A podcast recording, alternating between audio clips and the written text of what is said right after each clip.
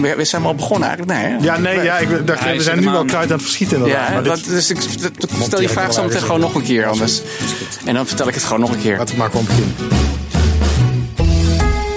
Het maakt niet uit dat een vlog een half uur duurt. Want joh, wie, hoe vaak, vaak heb je de kans om naar een tekenaar als Fred te kijken? Ik denk ook niet dat Robin elke dag een kluifje openslaat of eh, een zus kunnen wisken leest. Maar het is wel... Ik heb een Suske en Wiske dekbed gehad ooit, hè? Oh. En die uitgever vroeg mij op een borrel, wat vond je van het boek? Ik zei, nou man, ik heb, nooit, ik heb echt pijn in mijn hoofd van het boek gekregen. Dat, dat lees ik na twee bladzijden, dus ga ik ook niet verder. Welkom bij een nieuwe podcast van Stripjournaal. Leuk dat je weer luistert. Je twee wekelijks... Twee, je, je twee, begin ik me nou hier al te verspreken? Sorry hoor, jongens. Begin gewoon opnieuw. Ik zeg niks, joh. Nee, ik begin niet. Nee, ik begin niet opnieuw. Je twee wekelijkse portie strips staat weer voor je klaar. Ehm, in deze podcast is Spider-Man beter dan Kuifje. Hoe gaan strips en YouTube samen? En hoe kijkt iemand naar de stripwereld die er al 15 jaar verslag van doet? Met in de studio de man die in zijn vrije tijd het liefst een Spider-Man kostuum aandoet. Michael Minnenbo. is zo toch? Dat is eh, eh, no comment. Nou, je hebt nu wel een overhemd aan met eh, enigszins de kleuren van Spider-Man. Ja, maar ik heb Ja, blauw bewust... en rood. Ja, ik heb, ja, dat wel. Maar ik heb bewust een keer geen Spider-Man t-shirt aangedaan. Want meestal als ik in functie ben, en vandaag ben ik in functie, dan heb ik ehm, mijn cap op. Die heb ik er Ja. wel op. En een geeky t-shirt. En dat kan ook de Hulk zijn, of Batman, of andere figuren die ik tof vind. En dat is mijn uniform, zeg maar. Dat is mijn eh stripjournalisten uniform, zeg maar. Maar wat heb je dan nu Ah. voor t-shirt aan? Ja, dit is gewoon een soort houthakkenshirt. Daar voel ik me wel relaxed in. Gewoon. Ja, maar daaronder zit een t-shirt. Ja, het is gewoon zwart. Gewoon zwart. Ja. Maar Greet Ik Heer had laatst ook al een, een stripmaker als vaderlands uniform. Dat is Ja, een trend klopt. blijkbaar. Nou, het is, het is een beetje. Ik zal een voorbeeld geven. Grant Morrison is een, eh, een Schotse schrijver. En die heeft hele gave dingen geschreven voor de Amerikaanse comic-industrie. En eh, die, dus je moet je voorstellen dat je op de Comic Con rondloopt met allemaal nerds in cosplay. Of mensen zoals ik met t-shirts aan. En opeens loopt daar een kale man in pak. Door de zee van geeks. En dat is fucking Grant Morrison. En daar heeft hij zo over nagedacht. Hij ziet er ook uit als Lex Luthor, eigenlijk. Als ik er nou over nadenk. En hij schrijft ook een goede Lex Luthor. Ehm, maar dat is gewoon... Ja, je weet, ah, daar gaat Grant. Klaar. En daar gaat God Grant, zeg maar. Want hij is echt... Hij heeft eh, Arkham Asylum bijvoorbeeld geschreven. En hij heeft eh die Invisibles gedaan. Heel veel toffe dingen. En hij is iemand die dat genre helemaal uit elkaar trekt. En kijkt, wat zijn de onderdelen ervan. En en hij heeft ook een verhaal gemaakt waarbij hij zegt van alle versies van Batman, die zijn legitiem. En die, het- die hebben allemaal een plek in het universum, zeg maar. En dat is, nou, hij denkt daar heel goed over na, laat ik het zo zeggen. Maar ook zo hoe hij dit bijloopt. Oké, oh, mooi, mooi. Ik moet eh, over de bijloop gesproken. Ik moet eh, degene hier aan de andere kant van de tafel nog introduceren. Ehm, en daar had ik gezegd, de man die eh, helemaal geen vrije tijd heeft, want hij woont in fucking Lanes. Ja. Dus hij zit altijd in de auto, altijd onderweg. Seb van de Kade van de Stripglossie, welkom. En toch ben ik er weer vandaag. Hè? Ja, ook geen vrije tijd, want je zit dus in die podcaststudio hier nu. Ja, klopt. Maar dat doe ik met heel veel genoegen. Dus eh, moeten we nog hebben over jouw kledingkeuze vandaag? eh, Mijn Robin? kleding, nou zeg er maar wat over hoor. Is dat, eh, Nou, wat, wat wat is dat eigenlijk? Dat is een vogeltje Wat je het? op je... En mensen kunnen het niet zien, hè? Oh, ze kunnen het wel op de Oh, vlog ja, het zien. is een polo waar een, er zit een soort vogeltje of zo zit erop, ja. Niet Cool. bewust hoor. Maar geen krokodilletje, nee. Nee, nee. Dat ze die ook hebben, joh. Vogeltjes. Ja, blijkbaar. Het is een soort nepkrokodilletje, denk ik. Ja. Dus, dus het wordt eigenlijk een fashion podcast, begrijp ik. Ja, we gaan een nu naar- fashion. ja, precies. Ja, Ja. ik ben daar heel snel over uitgepraat, zoals je hoort. Ja, mooi. Laten we het laten we over gaan hebben. Oké, Michael, ehm, eh, we Ja. hadden het al even over ehm, eh, comics en Spider-Man. Want jij bent natuurlijk toch wel een beetje Mr. Spider-Man. Dus dacht ik, ah, heel cliché.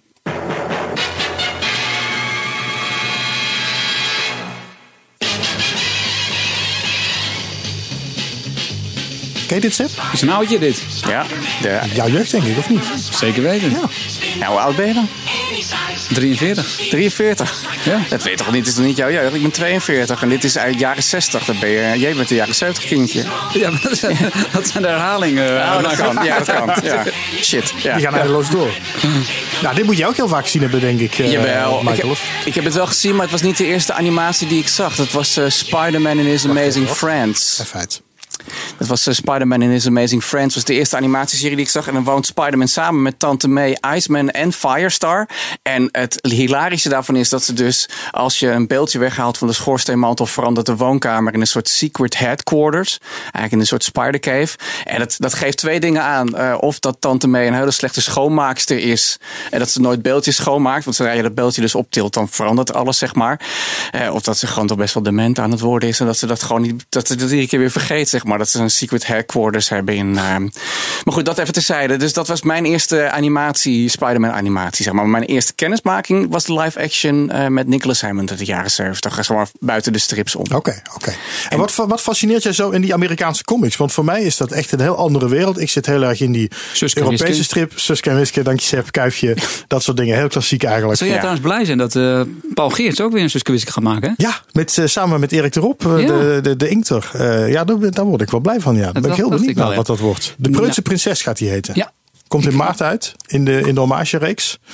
Ehm, Ja, ja, dat is wel leuk. ja, Leuk om hem ook wat te gast te hebben dan, hè? ja, dat moet, gaan we zeker even uitnodigen. Dat lijkt me een goed plan. Ja, ik denk dat wij dan eh, richting België moeten daarvoor. Maar ja, kunnen we ook best doen. Ja, vind ik wel.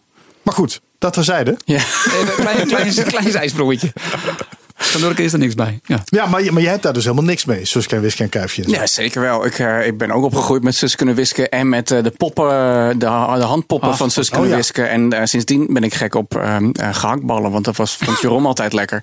Dus nee, ik ben opgegroeid eigenlijk met, eh, met, met Sus en Wis en ook al Kluifje en eh Lucky Luke natuurlijk. En Kluifje? Asterix. Ja, Kluifje noem ik hem altijd. Eh, dat verschrikkelijke saaie stripfiguur van Hergé. Eh, Een afgekloven strip. Daar gaat hij hoor. nou ja, ja, ik, ja kuifje. Ik, nou goed. Dus dit, ik ben echt wel ook wel. Ik stel eigenlijk met twee. Ik heb de ene voet in de Europese strip. Door mijn werk ook heel erg. Maar met mijn andere voet en met mijn hart zit ik in de Amerikaanse comicsindustrie. En ik zou eigenlijk.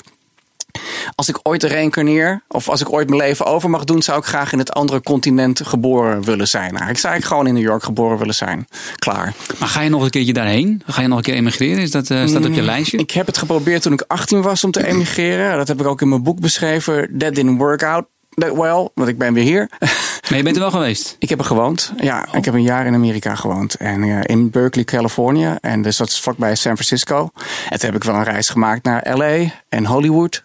En eh, Washington DC ben ik geweest. En, eh, Maar wat New ging York. fout?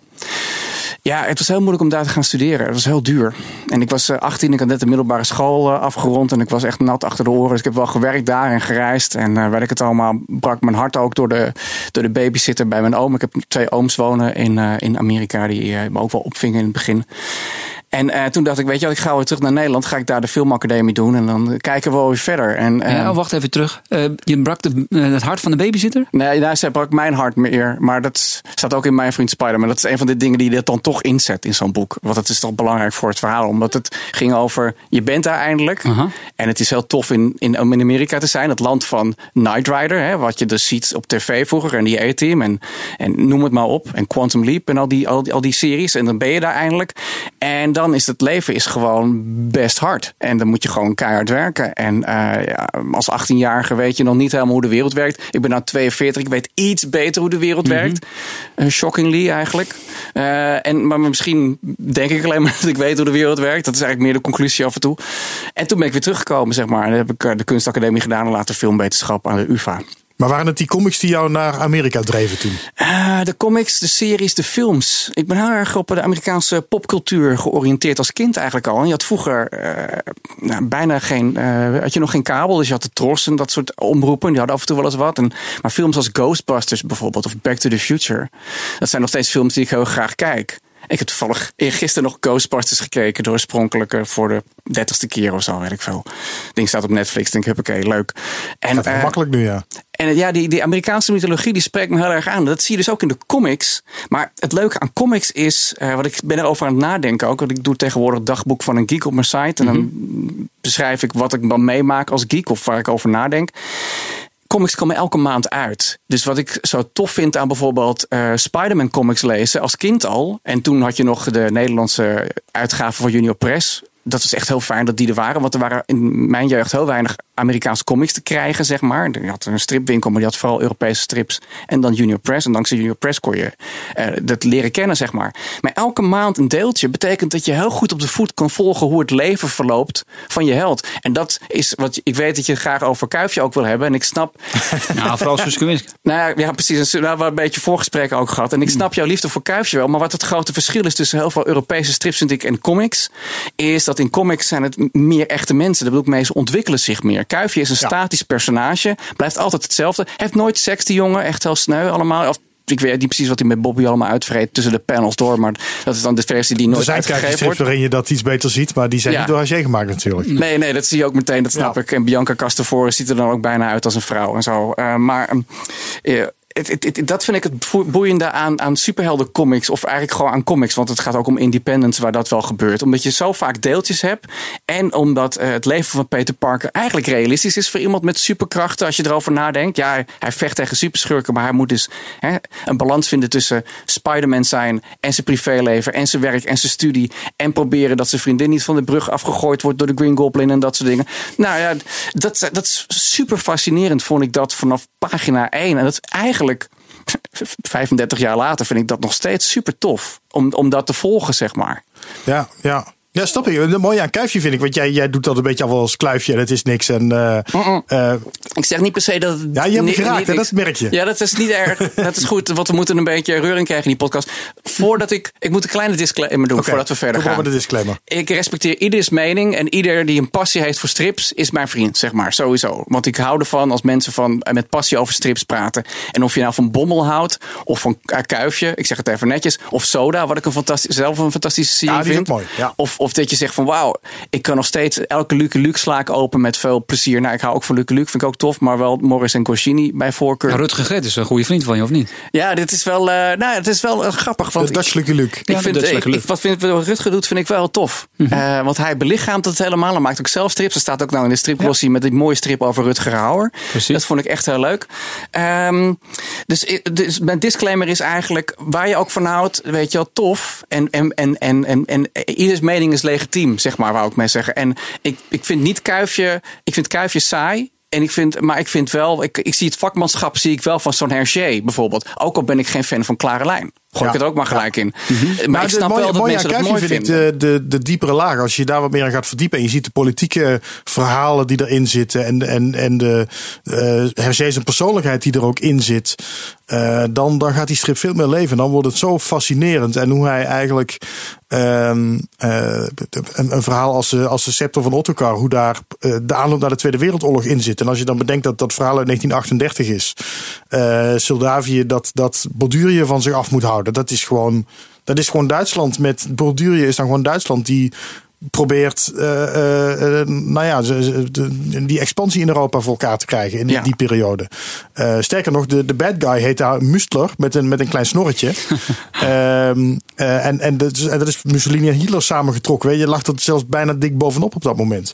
Ja, maar dat, Um, dat, dat, dat is tof. dat- maar het is niet uitzonderlijk dat een stripmaker... Kijk maar naar Suske en Nee. Wiske. Die was ook altijd heel zat actueel. ook politiek in? Eh, eh, Stan Lee en Jack Kirby eh, die, die hebben altijd de, de, de, de, de wereld uit je raam zeg maar, gereflecteerd. Ook al ging het dan om de Fantastic Four Ja. of om Iron Man. Of weet Dat vind ik dus heel mooi, als je zo'n diepere laag daarin hebt inderdaad. Ja, dat heeft maar- Kuifje dus ook wel. En dat hebben niet alle strips, en dat heeft Kuifje ook wel. En dat hebben misschien die Amerikaanse comics ook wel, ja. Ja, dat vind ik wel. En, en wat ik interessant vind aan Hergé is. Nou, wat ik een probleem vind met Hergé. Is als ik in België kom, of eigenlijk met welke stripliefhebber dan ook boven de 40 meestal praat. Dan is Die, het die, die altijd. persprijs die nemen we van je af. En dat is een raketje van Kuifje. Dus Ja, dat die, zei die, mag, ja, die, mag ja, je, die mag je niet inleveren. Dat, ja, dat was de persprijs Brussel inderdaad. Ja, ja. Dat is heel. ik kom eh, zo dadelijk bij je ophalen. Ja, dat is goed. Dat is heel ironisch, is dat. Maar het is dan. eh uh, uh, wordt echt verafgoot. En ik ben altijd een beetje sceptisch als mensen heel erg idolaat zijn van iemand. Uh, of van een maker, zeg maar. Um, uh, ja, ik weet niet. Dat, dat, dan krijg ik altijd vraagtekens erbij. En ik denk, nou ja, goed, dat soort dingen eigenlijk. Dus het is niet per se Hergé, wat het kan ook bij een ander iemand verafgoot. Rudy Karel voor mij apart. Spider-Man eigenlijk ook wel, toch? Als ja, ik, zo, ik heb je maar Spider-Man is een personage, maar niet. Uh, de, de, kijk, de makers. Dat vind ik toch gekker? Ja, waarom is dat gekker? Omdat een, een, een maker is dat, dat is nog iemand die echt iets gedaan heeft, ja. die bestaan heeft. En een personage is, is uiteindelijk ja, een, een, een, een fantasie. Ja, maar. Hij voelt heel echt. Dat bedoel, dat herken ik ook. Ja, ja precies. Nou, hij voelt wel echt. En Spider-Man is ook echt. Um, uh, als heel veel mensen geloven in iets, dan wordt dat concept wordt op een bepaald niveau wordt het waar. Kijk naar God en Allah. Ik noem maar wat. Hè? Daar, heel veel mensen geloven dat die wezens bestaan, of dat die entiteiten iets gedaan hebben waardoor we nu hier rondlopen. En um, die geloven daar zo in dat ze met die mensen praten, met die wezens praten, zeg maar. Dus, en, uh, dus dat, dat, je kan geloven in een fictief personage, maar dat kan wel bijna voelen als een echte vriend. Wil ik wel erbij zeggen dat ik altijd besef dat Spider-Man een fictief personage is. Dus voordat de mensen met witte jassen zometeen bij de deur staan. Ik al een busje bellen. Ja. En, en, en het tragische is van uh, fictieve personages waar je van houdt, dat het soms wel eens in de handen komt van mensen die het verknallen. Ja. Of die uh, niet zo goed schrijven. Dat heb je bij Suske Wissers heb je periode gehad dat je denkt van nou, uh, deze verhalen vind ik niet zo leuk. Of ik vind deze tekenaar niet zo goed. Hè? En, um, en dat soort zaken. En dat geldt eigenlijk voor alle fictieve figuren die gedragen worden door andere stripmakers dan de oorspronkelijke stripmakers. Ja, en even terugkomend op Kuifje, zelfs de laatste twee Kuifje-verhalen waren niet heel fantastisch meer. Nou ja, en je door kunt, Hergé zelf. Je kunt, ja, de vraag is, vind ik altijd fascinerend bij Hergé. Wat heeft hij gedaan en wat heeft de studio gedaan? Want dat mm -hmm. is natuurlijk wel zo. Dat, uh, er zijn heel veel ja. goede tekenaars geweest in die studio ook. En dat, dat is dus eigenlijk wat ik wou zeggen. Als iemand dan uh, verafgood wordt als zijnde god op aarde bij wijze van spreken. Of Scarlett Johansson op aarde. Laat ik het, vind ik een leuke voorbeeld, zeg maar. um, dan, ik denk van ja, er was wel een studiosysteem. En de reden waarom ik zo ben gaan denken is... ik was altijd een groot fan van Martin Toner. Ben ik nog steeds van de Bommelverhalen. Vind ik prachtig. Maar later kom je erachter van ja, dit is door Dick Matena getekend. Of voor een groot deel ge geschreven door... Ja. niet door Martin. Ja. En opeens besef je dat auteursidee... Scrap. Dat is gewoon een fictief ding. Ik bedoel, een Spielberg-film herken je altijd als een Spielberg-film.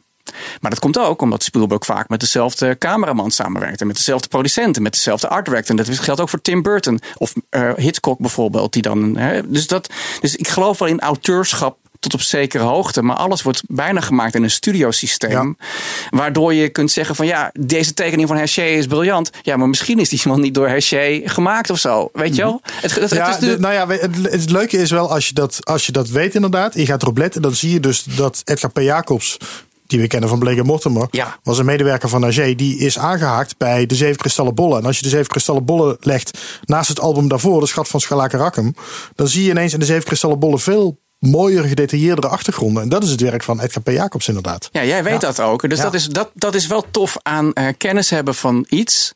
Zodat je, zodat je dan die stripplaat ziet. En je ziet het verhaal, maar je ziet dan ook nog een verhaal daarachter. Ja. Dat vind ik er mooi aan. Ja. ja, je kijkt eigenlijk als het ware door de pagina heen. En je stapt in die wereld, bij wijze van spreken. En dan opeens ben je, je, wat je snapt hoe dat studiosysteem werkt. En opeens denk je, oh, dat is een Edgar P. Jacobs uh, plant. Ik noem maar wat op de achtergrond, ja. weet je. Want hij tekent altijd die plant zo. Of hij tekent altijd die plant zo. En dat is wel tof, vind ik, aan, aan met dit soort dingen bezig zijn, überhaupt. Nou ja, dat is denk ik ook wat mij een beetje fascineert aan jou. Uh, van die Spider-Man, waar jij dan helemaal dol van bent. Je hebt er zelfs een boek over geschreven. Ja. Wat drijft jou dan nu nog steeds? Hè, want je bent op je. Wanneer was je verslingerd aangeraakt? Op een negende. Ja. Een negende al. Wat, wat, wat maakt het nou echt zo leuk? Spider-Man. Ja, wat maakt het zo leuk? In de oorsprong was het. Uh, ik vertelde het ook in mijn boek. Hè. Ik was bij een vriendje thuis op, uh, toen ik negen jaar oud was van de basisschool. En die had stapels op comics op tafel. En ik had dat nog nooit echt gezien. Ik zeg, wat is dit dan? Nou, echt, nou, dat is Spider-Man. En dan zie je dat pak. Het ziet er tof uit. En die krachten zijn tof. Dat is waar, waar je in eerste instantie opvalt. Weet je, op het uiterlijk, zeg maar. Die krachten, dat is, spreekt tot, tot de verbeelding. Iemand die webdraden kan afschieten. En, en een instinct heeft die hem waarschuwt voor gevaar. En al dat soort dingen. Maar dan mocht ik die strips ook lenen. En die ben ik gelezen. En denk, wauw, die Peter Parker, dat is wel een interessante figuur die eigenlijk, toen hij gebeten werd door die spin, ging hij dus niet gelijk de mensen redden. Wat je bij Clark Kent uh, vermoedt, -hmm. zeg maar. Maar die ging gewoon de showbiz in om geld te verdienen. Want hij dacht, hij was al zo vaak het pispaaltje geweest op school. Toen dacht ik, laat de wereld even een poepie ruiken. En dan laat hij die schurk uh, gaan, zeg maar, die net een overval heeft gepleegd. Van ja, dat is mijn werk niet, motherfucker. Dat doe ja. je, tegen die bewakers zegt hij dat. En een paar weken later vermoordt diezelfde schurk. Want zo werkt het lot in comics. Zijn geliefde oom, die als een vader voor hem is. En dan leert hij die belangrijke les. En als kind, wat ik heel tof vind aan die comics van toen ook, uit de jaren tachtig, die zijn best wel bruut en best wel cynisch soms qua toon. Dus als kind leer je heel veel over de wereld eigenlijk, terwijl je er misschien nog niet helemaal aan toe bent of zo. Dus je hebt aan de ene kant dat en aan de andere kant heb je dan die fantastische supporting cast, zoals Jameson en Tante May en Mary Jane Watson. Wat echt uh, de Scarlett Johansson van de comic-industrie eigenlijk is, mm -hmm. kan ik wel zo zeggen. Sorry, ik kom toch even op Scarlett Johansson terug. Wordt een beetje ga terug, dit is twee. Ja, dit is precies. Misschien moeten we het bijhouden. Dus die supporting cast is ook erg interessant. En dan ontwikkelt zich dat. En dan krijgt hij een kostuum wat eigenlijk een buitenaards wezen is. En het is allemaal, het bouwt zich uit. En dan komt hij, gaat hij op de koffie bij, bij de Fantastic Four. En Wolverine komt langs, weet je wel. En opeens denk je, wauw, er zit een heel universum hier. Ja, die werelden schuiven in elkaar ook op een gegeven moment, hè? Ja, alles, alles, alles hoort bij elkaar. En het is bijna alsof je een deur opent en opeens stap je daar doorheen. Er is een, gaat een hele nieuwe wereld voor je open. Maar het is wel New York. Je denkt, ja, New York, daar wonen de Ghostbusters ook. En, Ja. en, en, en, en, en er is eh, David Hasselhoff wel eens geweest met Kit. En weet je, zo heeft dat allemaal... eh, Dat is fascinerend, vind ik nog steeds, hoe dat werkt, zeg maar, die werelden. En, en nu nog steeds... Af en toe pak ik gewoon weer een nieuwe Spider-Man. En denk ik, even kijken hoe mijn maatje Peter gaat deze maand. Wat hij nou weer meemaakt. En Maar dat de soort nieuwe dingen. En valt het dan een Spider-Man. beetje mee? Ja, dat wou ik zeggen. Is de nieuwe Spider-Man net zo bevredigend als de oude Spider-Man? Eh, nou, Chip Zdarsky heeft een paar Peter Parkers geschreven. Want je hebt natuurlijk meerdere series. Dat is het nadeel. Dat is wel het nadeel van de Amerikaanse comicsindustrie soms. Dat er heel veel series tegelijk van één personage uitkomen. En probeer het allemaal bij te houden, zeg maar. Chip Zdarsky heeft opeens bedacht... Jameson wordt verteld door Peter Parker dat hij Spider-Man is. Spoiler mensen. En opeens krijgen we... Wat hij doet is, Jameson is altijd een beetje hetzelfde gebleven. En opeens gaat, voegt hij iets toe aan dat personage, een ontwikkeling. Dat is onwijs fascinerend. En eh, dat, dat lees ik dan heel graag. En Nick Spencer doet nu de Spider-Man verhalen. Die heeft Dan Slott eh, opgevolgd. Dan Slott heeft acht jaar lang eh, Spider-Man geprobeerd te schrijven. Dat is hem acht jaar lang niet gelukt. dat is een beetje jammer. Dus heb je acht jaar overgeslagen. Nou, ik heb acht jaar lang met pijn. Ik heb eerst de vier, vijf jaar heb ik wel gelezen. Sorry. En dat was op een gegeven moment hel op aarde. Eh, alsof je me een bekertje koffie met glas gaf elke keer als ik het moest lezen, zeg maar. Dat was echt niet meer normaal. Nee, maar daar, daar, daar ben ik ook wel naar benieuwd naar. In, in hoeverre beïnvloedt dit jou gewoon jouw leven? Want als ik kijk naar jouw, ja, Ja, als, je, ja. als je kijkt naar jouw, jouw, jouw, jouw website, uh, gewoon, volgens ja, mij. ja, dat heb je, je, bent, je bent journalist, je bent oude visueel, ehm, hoe noem je het? Ik ben een visuele programmamaker. heet het Programmamaker, ja, zo heet het. Nee, je bent ook docent geweest, volgens mij, op de Klopt. Media en Informatiemanagement Amsterdam, Utrecht. Media eh, en cultuur. Ja, media en cultuur en gastcollege gegeven in, in, in Utrecht. Dus ja, Hey, kortom, heb je huiswerk gedaan dan? Ja, Jeetje. maar je, je zit er dus zo in. Maar, maar ik vraag me dan af, hoeveel beheerst dit, je Spider-Man, inderdaad aan je leven? Sta je ermee op en ga je ermee naar bed? Nee, het valt wel mee. Het is.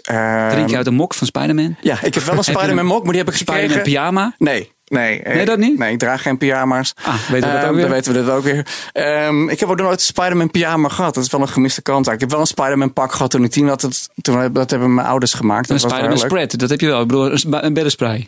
Nou, ook niet eens. Nee. Ik heb, ik heb, maar ik heb wel een Spider-Man mok, maar die heb ik gekregen in het stripmuseum toen ik daar een lezing gaf over mijn boek op het, Mhm. eh, de museumnacht.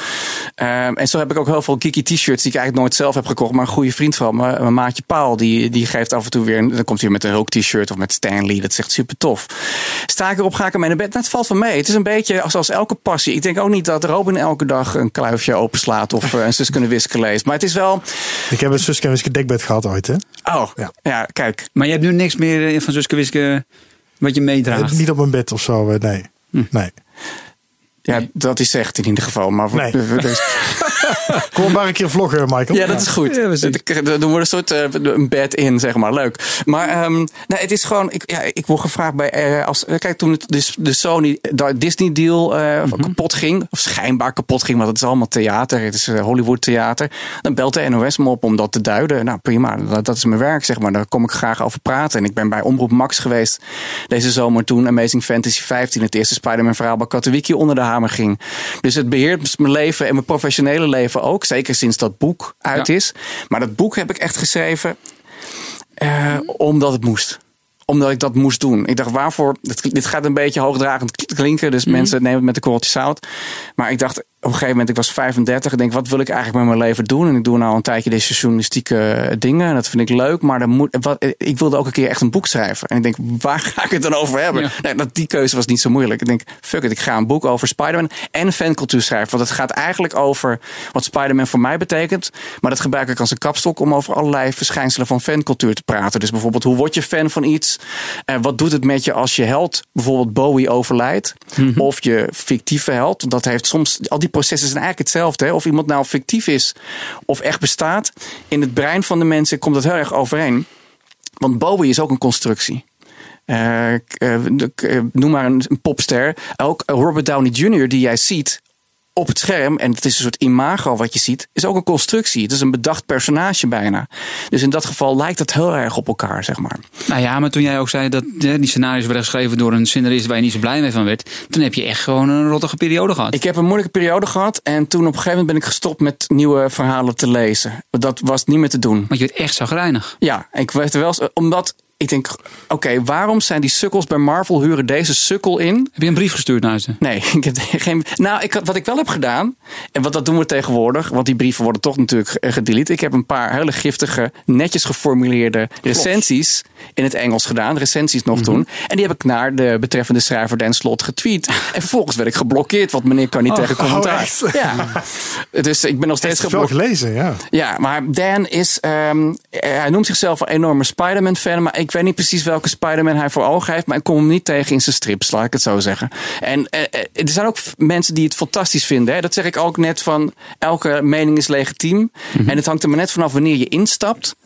In een, in een stroom van verhalen, zeg maar. Want de Willy van de Steen, Zus kunnen wisken, is niet helemaal hetzelfde als de Paul Geerts eh, Zus kunnen wisken. En de Zus kunnen wisken van nu. En dan heb ik niet eens over Amoras, maar gewoon de lopende reeks. Dat is het- alles wordt aan de tijd ook een beetje aangepast. Dat moet ook wel, want de nieuwe lezers moeten in kunnen stappen. Dus als iemand tegen mij zegt, ik ga helemaal los op Dan Slots Spider-Man. Nou ja, gefeliciteerd. Eh, gelu- eh, weet je wel, fijn voor je. ermee, Ja. Ja, veel geluk ermee of zo. Want, maar ik ben wel blij dat hij nou eigenlijk opgerold is. Waarvan akte. Zullen we eens eh, met de stripmaker des Vaderlands contact gaan leggen? Lijkt me leuk. Hé hey Margreet. Hi. Ja, Zal, wacht. Nou, die Heidi klinkt er goed. Yes. en ik hoorde iets over accountants en toen was ik even... Accountants? ja, het is dat je gewoon in de uitzending van BNR. Dus veel minder leuk dan Oh. deze podcast natuurlijk. Ja, ja. Dan schrik ik met de pletter natuurlijk. ik had een eh jingletje beloofd voor Margreet. Oh, wat goed voor jou. Maar Margreet heeft hem zelf gemaakt uiteindelijk. Heel, ik, voel me Nou, een beetje, ik- ik voel me een beetje... ik ben ehm, benieuwd. Michiel Mensing, Michiel Mensing heeft hem gemaakt. Ja, je hebt hem Dat laten eh, maken, ja. Een echte componist. Hij ja. klinkt ook echt wel goed. Nou, komt-ie. Welkom bij het voorleeshoekje van de Schipmaker des Vaderlands. Stripmaker des Vaderlands. Ging iets fout. Ja, ik vind hem goed. Eh, maar Sepp werd even weggeblazen door het begin van deze jingle. Dat was een eh, flinke inzet, ja. Dat, eh, dat heet een Veronica-stem, heb ik begrepen. Oh, dat wist ik niet eens. Maar hij klinkt goed hoor. Nou zijn de cool, verwachtingen hoog gespannen, uh, Margreet. Ja, ja, shit. Eh, Ja. ja. nou heb ik natuurlijk wel iets zwaar te maken. We zitten nu in Ja, het deze voorleeshoekje. Ik zeg er wel bij dat je vijf minuten hebt, eh, Margreet. 4,5. intro. Oh, Ja, en daar is inderdaad nog een halve minuut van voorbij door de jingle. nou, ik, ik hou het kort dit keer hoor. Ik, ik lees voor uit eh, het boek, eh, het stripboek Waarom ik mensen niet in mootjes hak van Renske de Greef. Oh, je houdt het Een zeg. verzameling van haar, van haar columns in de NRC. Dit gaat een En beetje door op het vorige thema inderdaad. Ja, hakbijlen. Ja. Oh ja, oh ja, dat ja. En vrouwen. Ehm, want, en, eh, nou ja, ik begin gewoon meteen. Eh, laatst zepte ik langs het programma Hotter Than My Daughter. Volgens RTL een make-over programma voor vrouwen die er een uitbundige kleding- en make-up keuze op nahouden. Dat is codetaal voor sletterig, ongepast en niet normaal. Ik werd er nogal treurig van. Die vrouwen zagen er dus stuk voor stuk ontzettend gaaf uit. En ze werden stevast veranderd in, nou ja, vrouwen die je al heel vaak ziet. Het hele programma ging over schaamte. De schaamte van degene die de vrouw had opgegeven, meestal de dochter. Maar vooral het kwalijke gebrek aan schaamte bij de vrouw in kwestie. Mensen op straat mochten een foto beoordelen. Vrijheid staat in Nederland hoog in het vaandel, maar een 57-jarige vrouw in een minirok, dat tart blijkbaar alle grenzen. Nou, het lijkt wel een rollade. Is die jurk van fietsband gemaakt? Dat kan echt niet meer op haar leeftijd. Jij, oudere vrouw, schaam je dat je denkt dat je nog sexy bent. Schaam je voor je lichaam, je gedrag, je levensstijl. Het was zo zonde. Het is toch heerlijk om iemand te zien die als een trotse paradijsvogel door de stad paradeert. Die vrouwen moeten niet worden beschimpt, maar bewierookt. Ik roep op om, om vaker mensen in het voorbijgaan te complimenteren wanneer hun outfit je vrolijk maakt. Dus niet, pst, ik wil in je broekje, maar wat een gaaf broekje. Er zou eigenlijk een woord voor moeten zijn. Ik stel voor diakachimba. Ik leerde het in Nicaragua en het betekent iets als superknettergaaf. En laten we alle boetes van de modepolitie grijnzend versnipperen. Een minirok kan altijd. Dat was hem. Tot dus. Tot dusver. zat Renske te de denken- dat was hem. Ik zat te denken, moet ik nu dat jingletje al instarten? Of Ik moet ik even wachten? eigenlijk. Maar je hebt ook een, je hebt ook een jingletje gemaakt om eruit te gaan. Ja, Ik dacht eigenlijk Ja, zo. ja, ja. Ik dacht, eh, Margreet gaat ook vertellen wat we op de plaatjes zien en zo. ja Er zitten drie plaatjes bij. Dus dit is, ik, ik, ik hou erg van de columns eh, van Renske de Greef. Wat vind je er zo goed aan? Ik vind uh, gewoon haar visie erg goed. Ik vind haar taalgebruik erg goed. Je kan je natuurlijk afvragen van is het wel strip? Want je merkt van de, dit werkt ook heel goed zonder de plaatjes erbij. Dus misschien meer een geïllustreerde column. Mhm. Maar ja, ik, vond het heel, eh, ik vind het heel, heel vrolijk en positief en, en kritisch op de, de maatschappij. Maar ik ben nu wel benieuwd wat voor beeld ze erbij gemaakt heeft inderdaad. Ja, want ze, ze is niet bekend als tekenaar, toch? Ze is ooit begonnen bij Spunk.nl volgens mij als columniste. En ze heeft een boek geschreven over hoe mannen achter haar aan zitten. Of meerdere boeken volgens mij inmiddels. Uh, voor zover ik Renske de Geef ken. Maar ik heb het boek wel gezien, maar ze is volgens mij geen uh, klassieke tekenaar in de zin des woords. Nee, nee. Dat, uh, ze, ze, ze, tekent er leuke, vrolijke poppetjes bij en Hmm. cartoontjes. Ja. Okay. Dus, uh, maar als het goed is, is dat uh, als men dit hoort ook te zien uh, op de Stripjournaal site. Want ik heb de. Mag er weer een plaatje bij doen? bij ja, ik zet een plaatje erbij. Ja, ja, die Tina plaatjes worden ook hartstikke goed. Die. ja, worden die goed bekeken? Zien, ja, hè, uiteindelijk. Goed bekeken. Uh, nou, ik ga ze erbij zetten, Margreet. Stripjournaal.com. Uh, dan kun je dus deze hele column uh, met, met de plaatjes. Plaatjes, dat klinkt zo. dat, met de illustraties. Met illustraties, dank je, Michael. ja. kun je ze terugkijken? Of kun je, ze, kun je ze zien? Zo moet ik het zeggen. Maar ik vind het nu wel erg kort. Vind je het te kort? Vind, ik nu weer te nou, kort. Dan, dan moeten jullie, maar, dan moeten jullie even vertellen hoe het, daar, hoe het daar gaat. Is het gezellig met Michael? Ja, dan moet je ons na de uitzending vragen. Nou, ik vind, ja, ik, ik vind het wel gezellig, Margreet. Laat, laat ik jou een vraag stellen, Margreet. Nou, je toch. Ja. Wat ga, je hebt nog een jaar te gaan als uh, stripmaker des Vaderlands, hadden we net uh, gehoord. Uh, of een beetje berekend, Klopt. zeg maar. Wat is je grote plan voor de komende 365 dagen? Oeh, mag ik dat zeggen, Seb? Natuurlijk mag ja, dat zeggen. Ja. Je mag alles oh. zeggen. Wat dan? ja, nee, doe maar wel. Dat nou, is wel goed. Ja. Of Seb weet iets ja, wat ik niet weet. Oké. Okay. Ja. ja, nee, of weet je. Nou, um, ik mag uh, over twee nummers mag ik de redacteur zijn van de stripglossie. En ik heb bedacht dat dat een songfestival stripglossie moet gaan worden. Oké. Okay. Uh, en, en, dan liefst ook met een, uh, met een Engelstalige uitgave ervan. Zodat we al die bezoekers die komen in mei ook een stripglossie in de maag kunnen splitsen. Met allemaal gave strips en, in, en info en zo. Oké. Okay. Oh. Dus, dan komen dat is mijn grote dus bij deze doe je ook een oproep, hè, Margreet? Dus iedereen die een leuke input heeft, ga vooral naar Margreet. Die doet dus voorselectie. Ja, ja leuk. En daarna ja. drupt het door naar mij. Want hoe moet een songfestival, ja. uh, songfestival en strips, hoe moet dat eruit zien? Hoe komt dat samen? Nou, er, er zijn al uh, hele leuke strips over het Songfestival. Ipe Driessen heeft al heel leuk gemaakt ja. hoe ze op de bank zitten te scoren. Uh, Flo de Goede heeft uh, het de winnende nummer van vorig jaar heel mooi mooi. Ja, ik moest meteen aan Flo denken inderdaad, bij de combinatie ja. Songfestival en strips. Ja. ja. Ja, maar die is het dus ook echt nee, fantastisch mooi verstrikt. Ja, ja, ja, absoluut. Ja. Ik vond trouwens je stripje Van met... Tol, die heeft, ik vond je stripje met Kenny erg grappig in de Eppo. Ja, ah, daar moest ik erg om lachen. Dat was echt een goede, goed, goed interview was dat ook.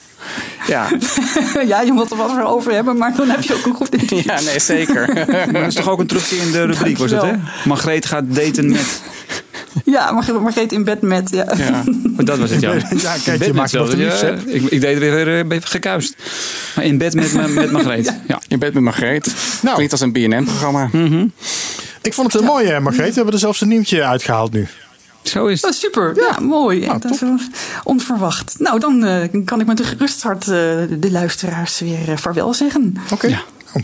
Dit was het weer. Tot de volgende keer bij het Paradijshokje van de Schipmaker des Vaderlands. Stripmaker des Vaderlands. Stripmaker des Vaderlands. Tof man. Hij landt hier goed hoor. Ja, Jawel. Ja. Heel erg goed. Ik denk, Zeker. Ik denk hoe lang gaat deze jingle duren? Maar... Ja, kan me niet lang genoeg zijn gewoon. dat, dat is die jingle van een half uur ja, nu ja, die erin komt.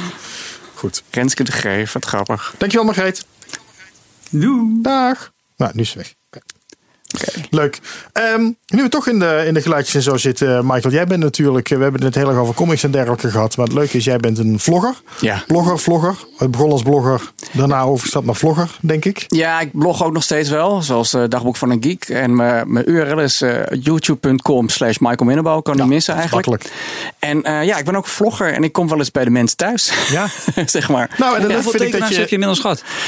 van, qua vlogs valt het wel mee. Qua gewoon interviews voor de VPRO stripgidsen en dergelijke. Ik, ja, we hebben iets van 200 professionele stripmakers in Nederland. Mhm. Het merendeel daarvan heb ik wel gesproken inmiddels. Een keer. Of en soms, soms zoals Erik Kriek bijvoorbeeld al drie, vier keer. Met Erik heb Omdat hij bij jou in de meer- hoek woont? Of, eh? Nee, omdat er dan weer een boek van hem uitkomt en dat wil de VPRO dan hebben, zeg maar. En ik heb ook wel een paar vlogs met hem gemaakt. En de eerste keer was heel leuk, was in een oude studio nog. En dan hangt dan een, eh, praat, daar trekt hij de la open en laat hij wat eh, tekeningen zien. Wat altijd heel tof is, hè, wat originele. Maar er hangt ook een foto van Dirk. Van Horst Stappert als Dirk. En ik zeg, wat de fuck doe je nou weer met Dirk? Ja, dat is dan de, de, de studioheilige, zeg maar. Of de studiobeschermengel. Vond ik wel heel leuk, dat soort dingen, weet je wel. Dat weet je niet van, van stripmakers soms. Ja, dat soort details zijn leuk. Ja, vind ik ja. wel. Ja. En ik ben. Ik moet wel altijd een beetje credits geven, vind ik. Want ik ben denk ik wel een van de eerste stripbloggers. Maar voor mij had je Jeroen Mirk. Eh, met Ja? Comic Base. En Kurt Morrisons, die we allemaal kennen ook van Strip, eh, van, eh, Strip 2000. Eh, die had Stripel magazine, als ik het goed uitspreek, Kurt. En anders hoor ik het wel. Die waren volgens mij, voor, sowieso Jeroen en, en Kurt waren volgens mij voor mij. En ik heb daar wel in het begin naar gekeken toen ik ging bloggen in 2006, zeg maar. En ik begon eigenlijk met bloggen omdat ik dat gewoon heel erg interessant medium vond. En het ging niet alleen maar over strippen in eerste instantie. Het ging ook over Clerks 2, die ik net had gezien, bijvoorbeeld in die eerste maand. Wat ik een fantastische, nog steeds een fantastische film vind. En andere dingen ook, zeg maar. En toen, ik werkte nog bij Intermediair. En er kwamen dus albums binnen van de, de Harmonie. En dat hopen ze dan dat het in Intermediair behandeld zou worden. Maar dat is natuurlijk een blad waar helemaal geen strip in behandeld wordt Nee. eigenlijk. Dus ik nam dan die albums mee naar huis. Ik denk, nou, dan ga ik ze wel recenseren, weet je wel. En, en ik kende Jeroen ook uit ehm, van Clickburg. Dat was een online community voor webcomics. Waar René van Densen weer de voortouwtrekker van was, zeg maar. Om maar wat name dropping te doen, zeg maar hier. En dus ik, het is niet alsof ik uit een vacuüm eh, ben begonnen, maar vlogs. Mijn eerste vlog heb ik gemaakt met Merel Barens. Het in mijn intermediair tijd. En die heb ik in 2007 geschoten of zo. En die staat ook op YouTube nog steeds. Dus dat was wel mijn eerste keer. Was gelijk al met een stripmaker over. Ja, wat, wat doe je nou Maar, wat, maar, wat is daar dan de drive van? Waarvan? Om voor de, de strips te vloggen, want dat is niet de verdienste. Nee, dat is zeker niet de verdienste. Ik ben eh, serieus gaan vloggen. Want ik heb dus in jarenlang af en toe begin eens, hè, was ik, sprak ik met Erik of met, met wie dan ook. Of met eh, Erik Varenkamp bijvoorbeeld. En dan had ik mijn camera bij me en dan gingen we ook, maakten we ook gelijk een vlog. Maar het was eigenlijk, het doel was een artikel. Zo ben ik ook bij Martin Lodewijk geweest. Die zei, ook, zal je er wat van laten? Kom even mee. Nou, dan ga ik met Martin mee. En dan haalde hij een doos naar voren. En er kwam er allemaal reclamewerk uit van de laatste 50 jaar. En dat was heel tof. Ik dacht, oh, pak even mijn camera, Martin. En, maar zo'n beetje begin vorig jaar, denk ik, is dat begonnen. Toen ben ik heel erg de YouTube-wereld ingezogen. Toen ben ik ook heel veel vloggers gaan kijken. Zoals Casey Neistat bijvoorbeeld. Dat is echt een hele beroemde Amerikaanse vlogger. Die heeft 11 miljoen volgers. En die maakt hele toffe... Hoeveel volgers heb jij? nog geen 11 miljoen. ik heb er nu bijna 400. En Dat is eh, best wel aardig. Maar Marcel Harster, de stripvlogger, Ja. die heeft er eh 1100. Ja, dus ik heb nog wel een weg te gaan. Ja. Maar Marcel ik zijn wel goede maatjes daarin. We zien elkaar ook echt wel. We zijn een soort eh, collega's, vind Ja, ik. jullie hebben samen ook wel eens een keer een, eh, een dubbele vlog opgenomen, toch? Ja, we hebben, hij komt wel eens bij me langs. En ik moet ook een keer bij hem langs. Eh, dat is hartstikke leuk. En dan praten we over, ja, over strips natuurlijk, uiteraard. En over andere dingen. En, eh, maar ik, ik, ik, zat, ik zat heel erg met die, met die vlogs in mijn hoofd. En die vloggerswereld. Want eigenlijk denk je bij vlogger meestal... Ja, dat zijn lullo's zoals Enzo Knol die geen flikker doen. En daar maken ze dan een vlog over. Nou, en zo hoor je dit.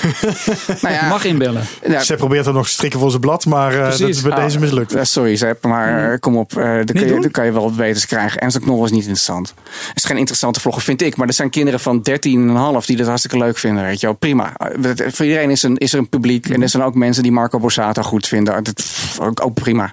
Als je, het maar, als je mij, mij niet meer lastig valt. Vind ik allemaal Kuifje. Ook jouw eh, favoriet, hè? Hij zit niet in jouwzelfde denktrand. Marco Marco Borsato, Borsa- Nou, eh, nee, Marco Kuifje. Borsato niet als heb. Nee? Nee. Maar goed. Bluff.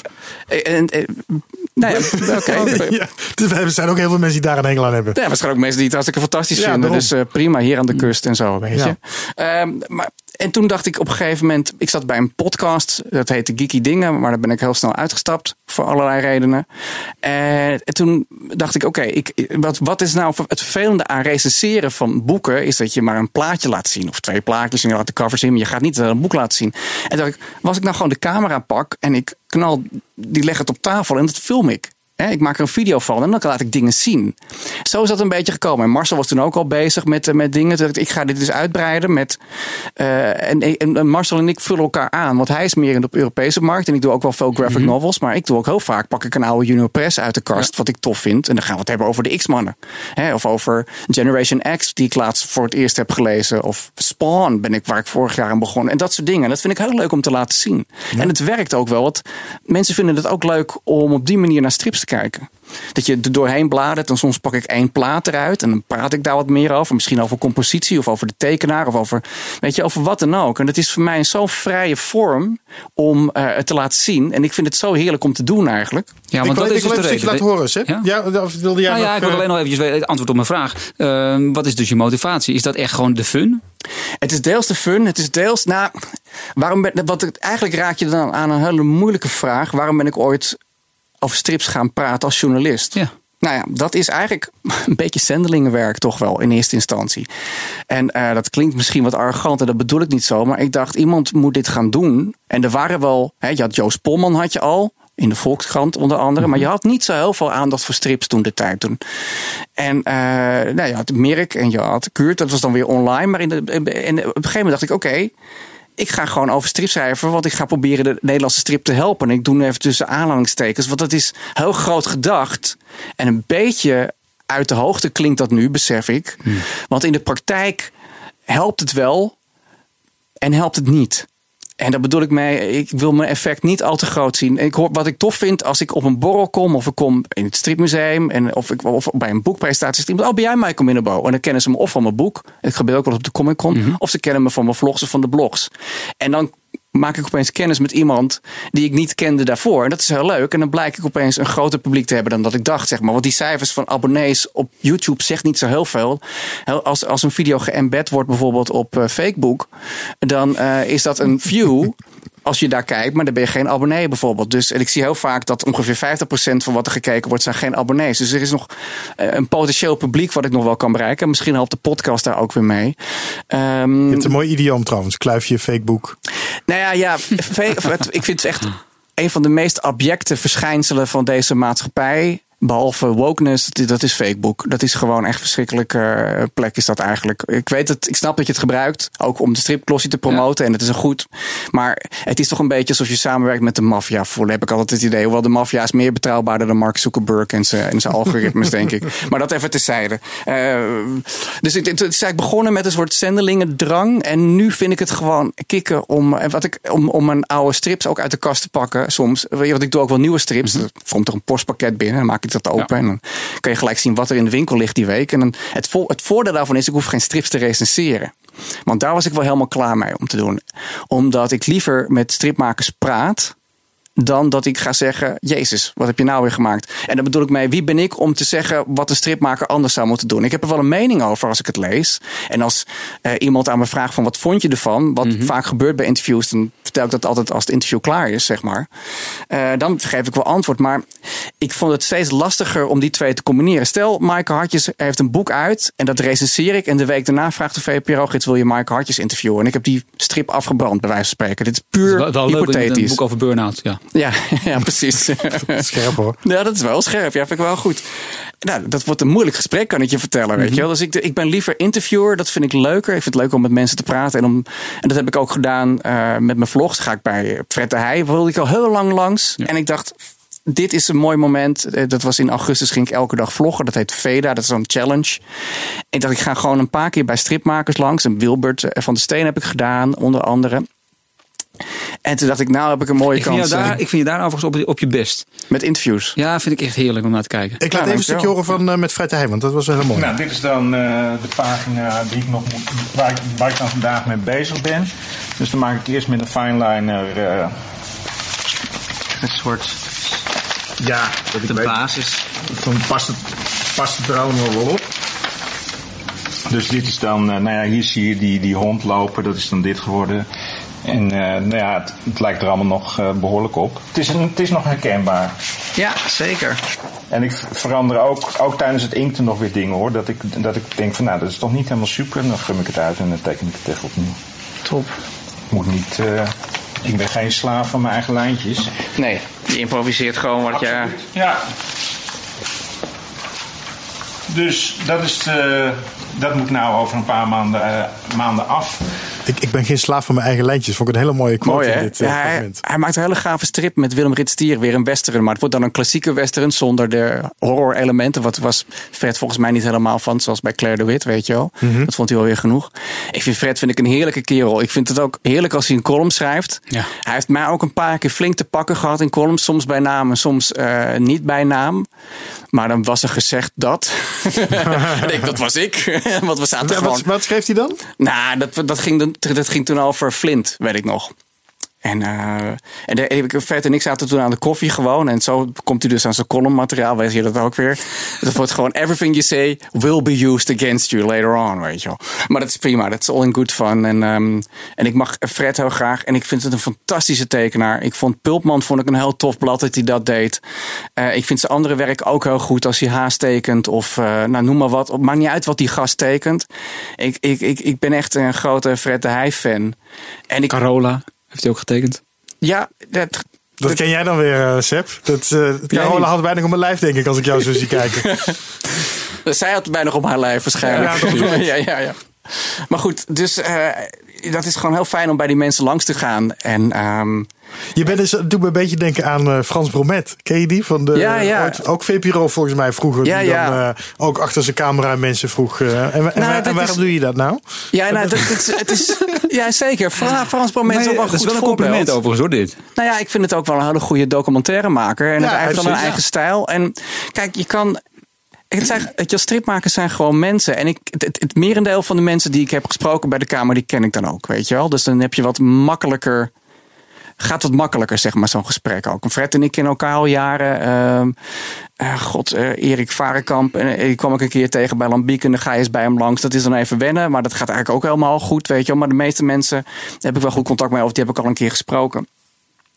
En ik, ja, ik vraag gewoon dingen. En dingen vallen me op. En ook, we hebben het ook gehad over die cover van eh, de stripglossie van, van, van Fred Heij. Sorry Robin dat ik het toch even Ja, in jij eh, fietst gooi. er elke keer in, ja. Nou, de reden waarom ik dit toch wil noemen is, en daarom ik het, dat heb ik ook in die, in die vlog genoemd. Ik ben wars van als mensen gaan zeggen: dit mag je niet tekenen of dat mag je niet. Hè, dat ging dan over die, die blote Mhm. dame, of die werd semi-bloot. Ze was niet eens bloot op de cover. Nee. En als je dan. Dat ook nog een tatoeage ook? Ja, zou er nog een tas. Ja, precies. Ik, ja, dat is dan bedekt, bedoel je? Ja, dat bedoel ik. maar het, het- was heel veel ophef over, ook op Facebook. En het, eh, makers onderling die gaan dan zeggen: dat mag je niet maken, want dat is seksistisch of wat. En ik, wat, en ik, ik vind het A. Als je dat seksistisch vindt, dan lees je dat gewoon niet. Prima. Maar dan, je kan niet zeggen dat mag je niet maken of dat mag je niet uitgeven. Dat vind ik echt pure BS. En dat gebeurt de laatste tijd in de maatschappij steeds vaker, heb ik het idee. Dus daar moet je echt iets tegen doen. Dus toen ik bij Fred was, was een van mijn eh, vragen die ik van tevoren had bedacht, is: we gaan het over die cover hebben. En wat ik zo leuk vind aan Fred, ik zeg: vind je dat nou vervelend? Nee, nee, dat maakt me niet uit. Maar ja, de volgende keer ga ik kijken of ik nog wat verder kan. Nou, Ja, prima. ja. Dat is het juist. Dat, dat is wat ik wil. Dat, dat wil ik dan horen. Weet je, wel. dat, dat is goed. Dat is de strijdlust. En dat is wat- wat je bij Fred ook wel kan verwachten, zeg maar. En dat vind ik heerlijk. Nou, wat ik vooral heel erg leuk vond van deze uitzending, die je hebt eh, één vlog gedaan, maar in meerdere delen, geloof ik. Hè? Ik heb, ben één keer bij hem langs geweest, maar ik heb het thematisch opgedeeld. Ja, klopt. En wat ik vooral heel erg eh, fijn vond, is hoe relaxed hij met jou meeging. Weet je, het was echt gewoon, in, of dat je eh, koffie bij hem ging drinken. Je was echt heel erg vertrouwd met elkaar. Waardoor het gewoon zeer aangenaam was. En ik vind het gewoon heel erg leuk inderdaad dat je over zijn schouder meekijkt. Terwijl hij vertelt. En je stelt dan inderdaad precies de juiste vragen, zodat hij daar eh, dieper op ingaat. Ja, weet je, chapeau, dit, is, eh, dit moeten we vaker zien. Nou, ik voel me vereerd. Dankjewel. Ik ga bijna belozen mensen, maar eh, Vlucht de camera, daarop. Grappig. Ja, inderdaad. Ik, ik knip je er veel in? Of eh, is het altijd een one-taker? nou, Laat je het, het is, zoals het is. het is niet altijd een one-taker. Dat is wel vaak als ik een boek gewoon eh, nou, op, het pa- op de tafel neerleg. En soms haal ik Dan dan, even je de je dode stukken eruit. open eigenlijk, hè? Of als ik een pakketje openmaak. Soms gaat het best wel lastig die pakketjes openmaken. Dus dan haal ik het lastige stukje eruit. Zeg maar, want het moet ook niet te lang duren. Ehm, en dat Veda-ding was toen... Weet je wel, wat ik heb gemerkt is... Ja, Veda moet je even uitleggen. Dat is elke Ja. dag een vlog, hè? elke dag een vlog in augustus of april. Maar het was toen augustus. Dus dan ging, dat is een soort challenge. Nou, elke dag een vlog maken. Het grappige is, het is nu oktober. Ik heb nog maar één dag niet gevlogd in oktober of zo. Maar dan is het, eh, hoeft het niet. Dus dan gaat het makkelijker. Dat is rare kronkel, maar dat werkt dan zo. En ik heb, ik heb gemerkt, ik heb een beetje gevraagd ook aan de kijkers, wat vinden jullie dan leuk? Want er komen echt stripliefhebbers en dat vind ik echt super tof. En ik heb ook stamgasten, een beetje zoals bij Cheers, de vaste namen die dan terugkomen en reageren. Dat is echt heel leuk. En ik heb laatst iemand ontmoet, eh, ik denk op de Amsterdam Comic Con. Nee, op, eh, in Breda kwam ik hem tegen. En die is een vaste reageerder. En dat was heel leuk. Om, hij was met zijn zoon en hij had zelf een paar Peter Parkers gekocht. Dan ben je sowieso een toffe gast, weet je wel. En, ehm, en ik, die zei, mensen zeggen ook, ze vinden het heel leuk. Het maakt niet uit dat een vlog een half uur duurt. Want het is, eh, naar Fred kun je, weet je wel, wie, hoe vaak, vaak heb je de kans om naar een tekenaar als Fred te kijken? Of naar, nou, noem eens wat, weet je wel. Ik heb ME, was toevallig in de buurt, die kwam bij mij langs. Ook leuk, want ME en ik kennen elkaar ook al heel lang, 12 jaar of zo, sinds 2006. En de Jong. En de Jong. En ehm, ja, en ik zei, wat ik zei eigenlijk bij, bij, bij Scratch langs gaan als ze wat boeken kwam halen. Maar toen was ik die dag ziek. En toen zei nou, volgende week ben ik er ook weer. Nou, prima, zal ik bij jou langskomen? Nou, tof, weet je wel. En dan praten we over taxi een half uur. En, dat, en soms edit ik wel om wat plaatjes erbij te doen, bijvoorbeeld. Of de dode stukken eruit te halen. Het hangt helemaal van de, van de productie af. Maar het tofste vind ik eigenlijk. En dat heb je bij Fred, heb ik wel wat geknipt, maar niet heel veel. Ik loop met hem door die studio heen. En je krijgt een beetje een idee van hoe de ruimte eruit ziet. Je ziet uh, waar, hoe zijn tekeningen op elkaar liggen. En de boeken op de achtergrond. En we hebben ook een vlog gemaakt met wat hij dan leest. En nog een eentje. En, en het laatste vlog was dan van zijn schetsboek. En dat, daar ga je gewoon van kwijlen als je dat ziet. Die man die tekent dus een schetsboek, maar dat kan je gewoon fucking uitgeven meteen. Dat is gewoon inkt op papier, eh, bijna niet voorgeschetst. En hij zei, oh, zul je nog wat laten zien? Zeg, oh, pak ik even mijn camera erbij. En nou, plaat het er doorheen. Het is prachtig. En hij heeft een hele plank vol met die shit, weet je wel. Dat is echt ongelooflijk. Ja, nou, dat, dat, dan heb ik een goede dag. Dat is echt... Uh, je, je, hebt hier net ook wat opgenomen. We waren net ook een, een vlog gaan maken. Zo, zo begon je hier. Ja. Um, uh, wat ik ook wel geinig vind om een keer in een, in een vlog te zitten. Dat, heb ik, dat is ook een nieuwe ervaring. Um, en we begonnen toen ook, uh, dat, dat, vond ik wel een mooie. Want jij, jij loopt al best wel, uh, nou, ik wou zeggen, je loopt al een tijdje mee in de wereld. Nou, is ook zo. Hè? Je bent al, al 15 jaar ongeveer ben je hiermee bezig. Jawel. Um, nou, je hebt eigenlijk bijna elke tekenaar heb je wel een keer ontmoet. dus je hebt ook wel een beeld van die stripwereld. En we, we gingen eigenlijk vanuit die, die vlog van jou een soort discussie in van... Hoe is de stand van de stripwereld? Wat moet er gebeuren? Maar hoe kijk jij daarnaar? Ja, dat vind ik een, een, lastige vraag. Daarom had ik hem ook aan jou gesteld. Ja, dat dacht ik al. Nu ben ik degene die de vraag stelt. Nee, wat jij, ja, wat jij zei, ben ik het wel mee eens. Het zijn eilandjes. Uh, ik zie een paar dingen gebeuren in de Nederlandse strip. En uh, correct me if I'm wrong, want dat mag altijd. Ah, er wordt te veel uitgegeven. Mhm. Dat vind ik echt. er is een, stroom van papier en mensen concurreren elkaar dood. Dat is ook bij de Amerikaanse comics-industrie. Marvel geeft soms 90 titels per maand uit. Zo. Dat is fucking killing. En dat zijn boekjes van. Allemaal superhelden dan? Nou, meestal superhelden, ja, ja zeker. En uh, je hebt ook wel independents. Hè, die ook, er is ook non-superhelden uh, voer, zeg maar, voor mensen die daar niet van houden. Er zijn echt heel veel interessante series, maar heel veel mensen denken altijd van Marvel. Nee, van, uh, van Image bijvoorbeeld, of IDW en een paar mm -hmm. andere. En ook bij DC wel. Uh, je had vroeger Sandman bijvoorbeeld. Dat is nu al lang geleden, maar dat is wel een van de klassiekers. Dat is geen superheld. te komen soms wat superheld in voor. Maar, um, dus er komt te veel uit. Uh, waardoor er weinig ruimte in het schap zit en ze concurreren elkaar helemaal dood. En daarnaast komt er te veel middelmatige shit uit. En sorry dat ik dat zeg, maar er, is, er zijn boeken komen eruit waarvan ik zeg van die tekenaar die had misschien, weet je wel, dat is gewoon jammer dat je het zonder van het papier ze komt ook wel voor, maar ook dat ik denk van ja, het is het net niet of zo, weet je, snap ik maar Wat vind je middelmatige shit dan? Ja, dat ga ik dus niet bij naam ja, zeggen natuurlijk. Dat, dat, nee. maar, maar, dat kan dus, maar dat kan dus ook heel persoonlijk zijn. Mag je niet meer langskomen als je dat gaat zeggen? Nee. Zeggen? Mag je niet meer langskomen? Nee, nee, nee, maar ik bedoel nee, niet persoonlijk naar een tekenaar toe. Nee, maar dat kan jou, het is mijn persoonlijke wat jij vindt, kan ik fantastisch vinden. Ja, dat is waar. En mensen zeggen altijd, recenseren is altijd subjectief. Of, hè, maar ik zeg, nou, dat is niet helemaal waar. Want je kunt, als je heel veel strips ook hebt gelezen, heb je goed vergelijkingsmateriaal in je achterhoofd. En er zijn bepaalde kwaliteitseisen die je kunt stellen. En je kunt bijvoorbeeld kijken, laat ik een voorbeeld nemen. Hè. Je kijkt naar iemands manier van storytelling bijvoorbeeld. Dus kan ik de strip volgen zonder de tekst te lezen? Vind ik een heel belangrijke eis. Staat de camera op het juiste standpunt? Iemand die daar geniaal in is, is John Romita Jr., een Amerikaanse striptekenaar, mijn favoriete Spider-Man tekenaar. Die gast is daar zo goed in. Op, op Artes zouden ze bijvoorbeeld een les John Romita Jr. moeten doen, bij wijze van spreken. En er zijn wel Europese, ik wil niet zeggen dat er geen Europese stripmakers zijn die dat niet hebben. Er zijn ook heel veel goede stripmakers in Europa die dat ook hebben. Maar dat vind ik een kwaliteitseis. Hoe is het? Dat is niet eens. En daarna heb je bijvoorbeeld lichaamstaal. Hoe acteren de personages? Om maar even zo te noemen. Geloof ik het? Uh, ziet het er geloofwaardig uit? Zijn de expressies goed? En dat zijn twee kwaliteiten je een film, aan of een, film en een strip aan beoordelen. Mhm. um, en daarnaast is het.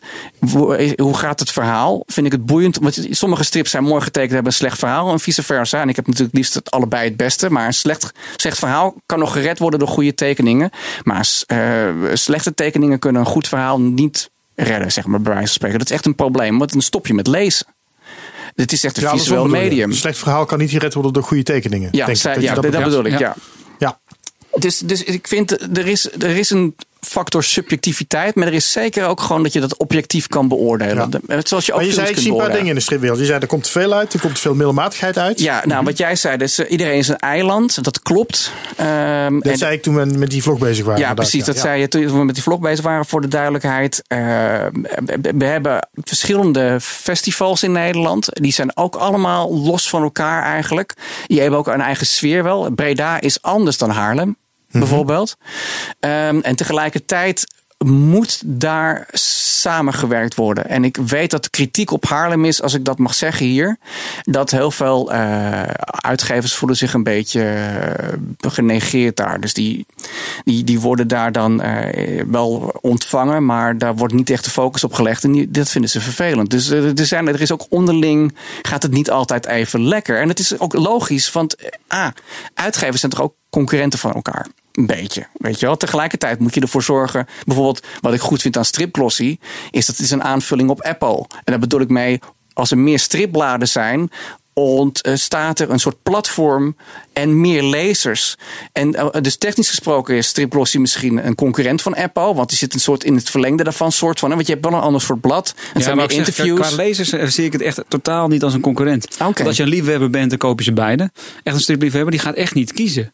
Waarom Nou. zou je kiezen in deze tijd? Nou, maar dan is het dus een aanvulling op elkaar. En als Ja. er nog een blad bij komt, je hebt ook de stripgids, maar dat komt maar eh, twee keer per jaar uit. Het heeft weer een heel andere toon. Ja. En, en er zijn leuke kleine initiatieven. Zoals, ik heb vorige week Kutlul gekocht op de, op Ja. de Geekfest. Ik moet het nog lezen, maar dat vind ik, dat zijn de mensen die maken dan zo'n blaadje. En, die geven, en je hebt Windmill Comics bijvoorbeeld, dat is ook een kleine uitgeverij. Maar die maken eh, in de sfeer van classics en hip van vroeger. Maar dus er zijn, het is een beetje niet helemaal een duidelijk antwoord misschien. Maar er zijn dus, die, we moeten inderdaad proberen die eilandjes bij elkaar te brengen. Ik vind bijvoorbeeld een initiatief als Margreet de Heer vind ik heel tof dat dat er is. Hè, eigenlijk, Stripmakers des Vaderlands. ja, in punt, eh, in punt dan 2.0. Ook al had Gert-Jan Post meer geld te besteden om projecten ook op poten te zetten. Wat Margreet misschien ontbeert, denk ik zo. En die Ja, dat was, de, zelf. dat was de stripintendant die. eh, ehm, wanneer is die er geweest? 2011 of zo? Oh, 2011, 2013 of zoiets.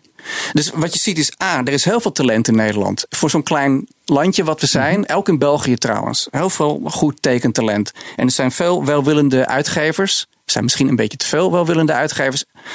Ehm, maar het grote probleem is, hoe krijg je mensen aan het lezen? Want de lezersmarkt is nog steeds aan het krimpen, ook op stripgebied. En dat is niet alleen hier, is ook in de comicsindustrie gaat het heel slecht. Dat heeft met allerlei zaken te maken, maar dat Ja, is eigenlijk een, is eigenlijk een podcast apart misschien eh, om daarover te hebben. We laten het op Nederland even focussen. We- je, je kent de verhalen wel. Eh, mensen die zijn jong, die lezen dan kunnen wiskunde. Dan stoppen ze met strips, want dan gaan ze PS4 eh, krijgen ze of de Xbox. En dan gaan ze, eh, ze hebben een mobiele telefoon en ze hebben een iPad of weet ik veel wat. En er is heel veel afleidingen, er is heel veel Netflix en andere streaming services. En waarom zou je dan nog strips lezen? En het is heel moeilijk om die mensen weer terug te krijgen. En deel van de oplossing is misschien journalistiek. Dus een praatje over die strips. En dan heb je artikelen in de Volkskrant en recensies. Maar dan nog, ik heb het met Margreet erover gehad. Ik ben al heel tijd met een vlog bezig eigenlijk. Waarbij ik bepaalde stripmakers vraag. Hoe gaan we mensen weer aan het lezen krijgen? Maar die vlog is nog steeds niet af. En het idee was bijvoorbeeld, oké, wat ik dus doe, helpt dat? Weet je wel, vlog maken. eh, nou ja, de, de, de- de- dat zou kunnen helpen. Helpt het bijvoorbeeld als je weet dat iemand, nou bijvoorbeeld, eh, er komt dus een glossy uit over het Songfestival. Stel dat je die aan een Songfestival liefhebber zou geven die nog nooit een strip heeft gelezen of geen strips meer heeft gelezen sinds die tien was of zo. Dan leest hij misschien deze glossy, maar is dat genoeg, omdat, omdat het hem interesseert het thema, maar is dat genoeg om aan meer strips te krijgen? Nou, dat is nog maar de vraag hoe dat werkt. Dus dat, ik denk dat is het grootste probleem. En dat is iets wat eigenlijk al jaren niet goed wordt aangepakt of helemaal niet wordt aangepakt. Hoe krijg je mensen weer aan het lezen? Nou, doe het in ieder geval dus te proberen, hè, op zijn minst. zeg je? Om het in ieder geval te proberen. Dus weet je, zo'n songfestival glossy waar we het daarna net eventjes even over hebben gehad. Ja. Dat de insteek is inderdaad om het breder te trekken. En om in ieder geval die mensen daar in aanraking mee te laten komen. Met de hoop dat zij dan eh, zeggen van we gaan dat meer eh, lezen eh, over deze en deze kunstenaar. Ja, maar dat is nog maar dat, dat, maar hoop is de ik vraag. van Maar, dat, maar, maar, maar dat moet je inderdaad nu gewoon, dat moet je dus met z'n- dat moet je dus, dit soort dingen moet je doen. Moet Ja. je dus experimenteren. Nou, dat zie je dus ook bij Cross Comics. Hè. Dan proberen Ja, ze een kruisverstuiving te doen. Dan, dan maken ze strips over de liedjes van Wende Snijders. Zeg ik dat goed? Ja, Wende. Ja. Wat een tof mens is trouwens. En een fantastische stem heeft. En, ehm, eh, maar wat, wat, dan, wat je dan altijd bij Robert van der Kroft hoort te zeggen. Ja, er komen hier geen bananendozen. Dat moeten we niet hebben hier bij Cross Comics. En dat snap ik dat hij dat zegt, maar tegelijkertijd trap je eh, tegen mensen aan die wel van bananendozen en die strips daarin houden. En het hoeft niet. Je hoeft niet per se. eh, je- het is prima dat je ze weert uit, je, uit je festival, want je probeert iets anders neer te zetten. Eh, maar je trekt dan misschien een publiek aan wat meer van wende houdt dan van strips. Ik weet het niet. Ik vind het goed dat die initiatieven er zijn. Ook Geekfest in Rotterdam vind ik ook leuk. Het is eigenlijk een soort mini-beurs. En Martin Lodewijk werd geëerd omdat hij 80 is geworden. En Rob van Bavel had een speciale eh, special daar ook weer uitgegeven. Dat ging als een warm broodje over de toonbank. En, en eh, Martin kreeg ook een mooie schilderij en zo. Was allemaal super tof. En zijn leuke mensen. En het, dus ik hou er erg van. van dus er is, er is heel veel welwillendheid. Maar toch denk ik, strip is als poëzie. En daar bedoel ik mee, er is een kleine markt die dat leest. En ik weet niet zeker of we daar ooit meer liefhebbers voor krijgen. Misschien moeten we dat ook gewoon accepteren, inderdaad. Dat dit is wat het is. Misschien ben ik moet- dus volledig niet mee eens, eh, Robin. Nee? Nee, het is gewoon echt gewoon de kolder. Nee, nee, nee, wat- je moet dit juist niet accepteren. Wat ik daarnet zei, weet je, dit is even een voorbeeld, zo'n eh, zo'n zo'n glossje over het Songfestival. Maar zo zijn er nog vele malen meer zaken waarbij je eh, de breedte wel degelijk kan opzoeken. Mensen waar ik, eh, die ik in aanreiking weet te brengen met, een- met een strip, zijn nagenoeg allemaal enthousiast. Dat is waar, dat merk ik ook wel. Ja, dat er altijd nog mensen in mijn omgeving zijn die niet die-hard stripliefhebber zijn of zo, maar die het wel gewoon leuk vinden. Ja. En die, als het volksschotelt krijgen, het best leuk vinden om, om, om weer eens een strip te lezen. En volgens mij hebben we nog zoveel dingen laten liggen. Ik zie juist alleen maar kansen om me heen. Dat ik denk, potverdorie, had ik maar gewoon eh, tien man voor me werken. Eh, die heb ik helaas niet. Maar, de, de- maar er er zijn echt, wat mij betreft, zoveel kansen. Alleen, we moeten wel buiten de gebaande paden durven te denken. En buiten de, de, de, de, de diehard strip eh, groep gemarkten waar we in zitten. We hebben 40 stripwinkels, geloof ik, nog in Nederland. En die verdwijnen wel eens. verdwijnen. Snoek gaat Ja, binnenkort klopt. dicht in Amsterdam Ja, bijvoorbeeld. het worden er in ieder geval niet meer. Het worden er steeds minder. Maar als je ziet hoeveel verkoopplekken er zijn. En hoe je ook slimme deals kan maken met een bol.com of een brunner.nl. Het, er is zo ontiegelijk veel nog mogelijk om die, om die strippen een veel breder publiek eh, te gaan geven. Ja. Dus laten we alsjeblieft niet, Robin, hier het eh, bijltje in het... Nee, eh, het, ik ga, was ik ook niet van plan. doe hoor, de maar- knuppel in het hoenderok, maar niet het nee, daar heb je er gelijk in. Maar ehm, het- dat, daar heb je gelijk in. En aan de andere kant denk ik soms ook wel eens van... ehm, eh, als je niet oppast, krijg je een soort Calimero-effect. Ja, van, ja. oh, wij, zijn dat stripwereldje en het is allemaal klein en Mhm. eh, niemand leest het nog. En eh, weet je, dan, dan, dan ga je zelf een beetje de put in praten. Dat moet je ook weer niet hebben. Dus je moet ook wel ehm, voor een deel accepteren wat het nu is. En, en dan verder kijken. Ik ben wel met je eens verder hoor. Kijken. wel Ja, realistisch en zijn. het, is, het, is ook, het is ook wel weer een. een eh, nou ja, als je dan. Jij noemde net poëzie. Als je het daarmee vergelijkt, dan is het nog veel kleiner wereldje. En een nog veel kleinere markt. Er zijn vrees- veel minder mensen die dichtbundels kopen. Nou ja, dus in die zin. Dat, dat is een probleem. En ik denk de distributie is soms een probleem. Hè? Niet alle albums liggen in alle stripwinkels of in alle boekwinkels. Dat, is een gewoon, dat, dat, dat merk je gewoon. Eh, ik wilde die, ehm, die parodie op Suske Wiske wilde ik hebben. Ik ben even de naam kwijt van de maker, maar je weet welke ik bedoel. Ja, Laude. Ja. Ja, nou, ik ga naar het beeldverhaal in Amsterdam. Ze kan hem niet bestellen. Maar ik kon hem wel bij bol.com bestellen. Dat is heel raar. Hey, en dat heeft met de ja. distributie dan te maken. Dat neem ik Jeanette overigens helemaal niet kwalijk. Want we hadden voor de rest een heel leuk gesprek. En ik heb een paar andere albums meegenomen. En ik heb hem, s'avonds kon ik hem bij bol.com bestellen. Mhm. Maar toen kwam ik één cent tekort. Om, de- anders werd het niet, eh, moest ik de verzendkosten betalen. Dus uiteindelijk heb ik hem besteld bij de boekwinkel om de hoek. Wat ik veel beter eigenlijk vind. Want dan verdienen ze ook nog wat. Ehm, maar dat kan dus wel via de boekwinkel. Maar hij komt niet via de stripwinkel. Dat is- waarom weet ik ook niet. Maar dat is, er zijn rare distributieproblemen. Sommige boeken liggen of sommige albums liggen gewoon niet op een juiste plek. Er zijn ook eh, heel veel inkopers bij boekwinkels die de ballen verstand hebben van strips. Laat ik het gewoon eerlijk zeggen. En ik heb ooit wel eens een graphic novel gids gehad. Maar dat is eigenlijk het probleem niet. Kijk, het probleem is ook de graphic novel geweest. En daar bedoel ik mee. Dick Matenaar kwam met die verstrippingen van Reven en zo. En die maakte verschrikkelijke strips waarbij eh, de tekst en het beeld eh, overlapten met elkaar. Dat vond ik echt heel jammer. Want Matenaar is een fantastische tekenaar. En ik snap dat hij het gedaan heeft omdat hij misschien eh, de erven Reven niet tegen de schenen wilde schoppen. hij gebruikt gewoon de integrale tekst van het boek van Reven. ja, Inderdaad. en Dat, dat vind ik echt een. eh, Maar het is overigens wel revolutionair. Want volgens mij was hij een van de eerste die dat eh, op die manier deed. De Even los van wat je ervan vindt. Maar eh, Nou, weet ik niet zeker of dat misschien in het buitenland al eerder is gedaan. Maar dat, dat, dat even terzijde. Maar ik vond dat altijd wel storend. Want ik denk, je doet hier een disservice voor het visuele van het beeldverhaal. Maar goed, er zijn redenen voor waarom het gedaan is. En het kan met copyright of weet ik wat, of met afspraken nee, te maken puur dat Dick dat wilde. Oh ja? Ja, 100%. En eh, overigens vind ik juist de avonden eh, een van de meest geslaagde werken van Dick eh, op Maar, die waarom, manier. maar dat vond ik interessant, want jij zei dat de graphic novel is eigenlijk een probleem geweest. Nou, dat, toen kwamen opeens heel veel literaire uitgevers die dachten: Oh, dat ding van Maarten, nou dat loopt, dat moeten wij ook doen. En dan heb je een, een bureauredacteur die heel goed is met tekst, maar de ballenverstand heeft van strips. En dan komt er toch een zootje gedrochtheid. En dan komt er af en toe een goed boek uit, maar dat is eigenlijk per ongeluk.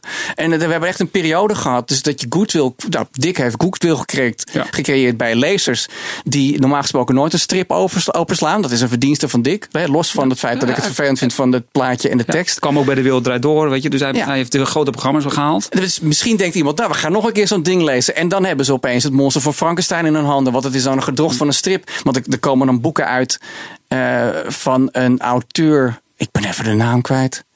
En dat mens kon gewoon niet tekenen. En dat was ook helemaal geen tekenares. Maar ze was wel een literair schrijver. En er was dan een deal, weet ik, bij die uitgever. Ik ga ook niet de uitgever noemen. Maar als je het deed, dan moet je dat. Nou, en die uitgever vroeg bij mij op een borrel. Wat vond je van het boek? Ik zei, nou man, ik heb, nooit, ik heb echt pijn in mijn hoofd van het boek gekregen. Dat, dat lees ik na twee bladzijden, dus ga ik ook niet verder. En en daar kon hij heel erg om lachen, want het was een hele toffe uitgever. En ik ben wel eerlijk als ze ernaar vragen, weet je. Ik ga niet naar hem toe en zeggen, wat heb je nou weer uitgegeven? Maar als ze aan me vragen, wat vind je ervan? Oké, dan, dan vertel ik dat ook. En dan vertel ik het wel netjes, maar... En dat is wel soms een probleem geweest. Want je, je, hoe, vaak, eh, hoe vaak wil jij je hoofd stoten als je een lelijk, een slecht boek. Als je een, als je een boek leest. Stel je, je houdt niet van Stephen King. En jij leest één Stephen King. Daarna lees je nooit meer een Stephen King. Ik ben toevallig dol op Stephen King. Maar ik noem- bij wijze van spreken, weet je wel. dus, dus er is er ook wel hoop misgegaan. En daarom zeg ik, er moet misschien wat selectiever worden uitgegeven. En dan wil ik niet mee zeggen dat bepaalde smaken niet moeten worden uitgegeven. Want ik ben voor kinderstrips en ik ben voor allerlei soorten strips. Ook voor pornostrips van Fred. Moeten ook uitgegeven worden. En dan moeten mensen niet moeilijk over gaan doen. En dan lees je ze gewoon niet klaar. Maar dat, is wel een, toen een, dat was wel een tijdje gaande. En dan komen er af en toe van die subsidieboeken uit. waarvan je denkt: van Jezus Christus. En ik weet, die komen er wel bij de Wereld Draait Door. Want ze hebben de copyrights niet geregeld bij de filmmaatschappij. waar ze dan een pagina van hebben eh, verstript, zeg maar. Maar ondertussen. Ja, dan denk ik wel van ja. eh, pff, ik, word er, ik word er niet altijd blij van, van dat soort projecten. Waar word je wel blij van, om eh, even positief te eindigen? Ja, sorry, want het klinkt heel zuur nou. Hè? Maar je vroeg naar de, we vroegen Ja, nee, naar de ja, problemen. Nee, want er gebeuren ook. Nou, waar word ik blij van? Ik word blij van die kleine initiatieven zoals Geekfest. En ik word blij van eh, zoiets als Stripbeurs Breda, wat er nog steeds is. En wat elk jaar, wat is het nou, tien jaar of zo al, wat, er, wat het er is. Volgens mij wel. En ik word blij van de stripdagen Haarlem. Want er zit er een goede eh, directeur en er worden leuke dingen gedaan. Zoals stripmuren in, in Haarlem en zo. Dat vind ik super Dus de tof. laatste eh, eh, onthuld. King, Ja, ja. toch? Van Tae-Chon King, ja. Waar word ik gelukkig van? Het stripmuseum in Brussel. Ik ben Ja. niet geweest. Ze zijn nu 30, ik ben niet dit weekend geweest, want ze zijn 30 jaar bestaat dat. Eh, maar daar werken, worden, mensen werken daar heel hard. Er staan heel toffe exposities. En ik vind het heel jammer dat Groningen verdwenen is. Ben je al in het Jan- Jan Kruis Museum geweest? Ik ben nog niet in het Jan Kruijs Museum geweest. Maar je begint al te lachen. Is dat leuk? Ik ben nog niet geweest. Oh, je bent niet geweest? Nee. Ah, ik ben er wel geweest, maar toen was het nog geen museum. Oké. Nee, ik ben er nog niet geweest. Eh, ook goed dat dat er is. En, ehm, en er komen af en toe gewoon. Nou, ik vind Taxi van ME vind ik tof. Ik vond de, het Vikingboek van Kriek vind ik fantastisch. Weet je, er komen echt wel hele goede dingen ook uit. Nou, eh, we hadden het net over Pim Bos Tremen. Dat is een interessant boek. Ja, verdomd interessant. Het is, eh, Weet je wel, dat is. Dat is Ja, dat, had- echt, dat was in de vlog dat we het daarover hadden. Die moet je even uitleggen. Oh ja, sorry. Wij- Ik heb Pim, eh, lopen. Pim Bos eh, geïnterviewd toen hij bij Jopo de Pollo was in Haarlem. En eh, die heeft een boek gemaakt, een science fiction dystopisch verhaal zonder tekst. En eh, over een goede Hij, story. zelf, eh, oh, hij was ook zelf heel beperkt in zijn tekst. Hij wilde niet zoveel verklappen. Nee, hij vertelde niet zoveel. Hij wilde niet vertellen over de klap. En er kwam ook niet zo heel veel uit. Maar goed, dat, eh, dat kan. Weet je, dat is ook prima. Hij tekent voor. Laten we gewoon zien hoe hij tekent. Weet je, ook goed. Ja. Dus, ehm, maar dat is, dat is ook een interessant boek. Dus er komt echt. Ehm, ik vind wat eh, die gasten van Amaras hebben gedaan een paar jaar geleden. Vind ik leuk. Want ik ben niet anti-Suske Wiske. Sterker nog, ik ben een paar jaar geleden weer begonnen met lezen van Suske Wiske regelmatig. En toen kwamen ehm, eh, Mark Legendre en. ehm, Charles Cambrai. Dankjewel. Die komen dan met Amoras aan. En de eerste vijf delen waren heel tof. De zesde was echt een beetje jammer. Maar wel heel erg interessant wat ze daarmee doen. En dat ze nu. Ik vind die nieuwe albums eigenlijk nog beter dan die eerste. Ik denk, oh ja, weet je wel, dat is tof. Het is een soort Elseworld versie van Sus en Wis. En daarom wil ik ook die parodie heel graag lezen. Want ik ben. Ik hou van dat subversieve een beetje. Weet je wel, dat iemand dat maakt. En ik snap de erfenis van eh, Willy van der Steen zijn er niet blij mee. En de standaard is er niet blij mee. Nee. Eh, maar kom op, jongens. Dat is. We moeten ook een beetje kunnen lachen om strips. Het moet ook leuk blijven. Nou, dat vind ik een mooi einde. Dankjewel, Oké. eh, Michael. We, hebben, ehm, we zijn aan het eind, als we aan het eind komen, dan eh, hebben we ook altijd wel weggegeven. Ik pak even een mailtje erbij die ik kreeg van, eh moet ik er even bij pakken, van Bart van Looy. Want die had eh, vorige keer gewonnen. Ja. Die had het boek van ehm ehm Wouter Manhart gewonnen. De, a- de, ehm, ehm, Aardappeleters. Jasmina aan de aardappeleters. Dan moet ik hem ook wel goed zeggen natuurlijk. En ik kreeg een hele leuke mail van Bart om, om ons te bedanken. Eh, nou, hartelijk bedankt voor de, de mooie prijs. Ehm, even kijken. En hij zei, dat vond ik leuk. Stripjournaal podcast is een schot in de roos. Eh, juist de balans tussen journalistiek en vermaak. Tussen informatie en humor. Dit moet ik even gewoon noemen voor een beetje eigen. Maar dat had hij voordat hij de prijs gewonnen had. Nee, nee, nee. Om, nee, nee, nee ja, dat, ik heb eerst gepaaid met een prijs. En toen kwa- kwam deze mooie mail binnen. Ehm, en wat ik leuk vond. Het samenspel tussen jou en Sepp werkt ook perfect. Toch een beetje het straight guy, funny guy effect. Weet niet wie dat wie is. Dan Eh, ben jij de funny guy. ja, ja dan, dan moet ik wel een funny guy zijn, ja. Ehm, hij is jouw kwabbernoot, zeg maar, of kale, zo je wil. Nou, dat is wel mooi Dat gezegd. gaat er voor jou, Sepp. Ja, die kale. dat vond ik wel een mooie. Dus, Dan ben ik vandaag Baard. dankjewel. Ja, hier, Eventjes. van Bart Nee, je moest ook de nog even de camera op. Oh, dat heb je gedaan. Nee, de camera op jezelf gericht. Heb je Ja, ook nog jawel, jawel. Ja, ja, ja. En mensen weten wel hoe ik eruit zie. Dat is het enige nadeel van zelf vloggen als je zelf moet monteren ook. Dat is heel erg confronterend altijd. Ja, je ja, dat is- confronterend, Ja, ja? precies. Hoe is het nou om naar jezelf te kijken? Voor, Ja, net, zo beroerd- nee, net zo beroerd als wat iedereen dat eh, eigenlijk vindt. Ja, behalve Marco Borsato, die kijkt eh, graag naar zichzelf. Ehm, maar, ehm, Nee, maar na al die tijd dan ben je dat toch wel aan jezelf gewend. nou ja, het is elke keer weer een schok. nee, dat valt wel mee. Maar het is wel... Het is, Maar ja, daarom hou ik het bij een podcast natuurlijk. Nou, dat is wel slim. Want ik doe, ik doe niet zo heel veel vlogs met, waar ik echt altijd in de camera praat. Bijvoorbeeld Marcel doet het veel vaker. Die staat altijd. En ik, dat is wel goed om een band te hebben met de kijkers. En de mensen vinden het wel fijn op zich. Maar ik richt toch altijd liever de, de, de camera op andere mensen of op, de, op het boek waar we het over hebben. En af en toe kom ik dan wel in beeld als het de QA is of weet ik veel wat. Ja. Maar eh, ja, het is wel. Als ik iets overheen kan plakken, vind ik het ook niet erg. Zeg maar, als ik een beeld overheen kan plakken, zeg maar, dan vind ik het ook wel, eh, vind ik ook wel goed. Gewoon een Ja. grote microfoon voor je neus houden, dat helpt. Ja, misschien is dat wel een Ja, idee. ja. Gesponsorde microfoon zou ik dan aanbevelen. Ja, wil je me sponsoren, Seb? Wat leuk. Dat daar moeten we we samen even... Oh, je gaan hebt een dadelijk- gesloten, ja. Gaan ze dadelijk een biertje Nee, drinken? ja, gaan lijkt nu de deal sluiten. Nu? Nee, we Ja? gaan wel even een biertje drinken. Dat is goed. Dat doen Oh, we, die gaat- echt wat ontstaan. Ja, want anders ga jij zo dadelijk ook weer onderhandelen.